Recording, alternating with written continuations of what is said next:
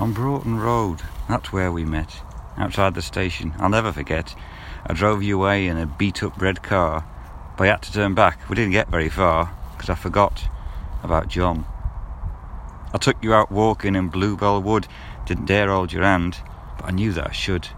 Then one day in the kitchen, you told me straight that you loved me and now that you just couldn't wait. So you said, What do you think?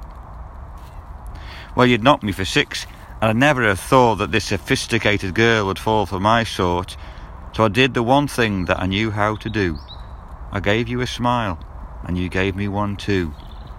So that was it. We were a thing. Now I'll skip a few verses as it's taken so long, and one day the rest might turn up in a song. Till then, this must do, and it's only the start, because I love you forever with all of my heart. Your Valentine.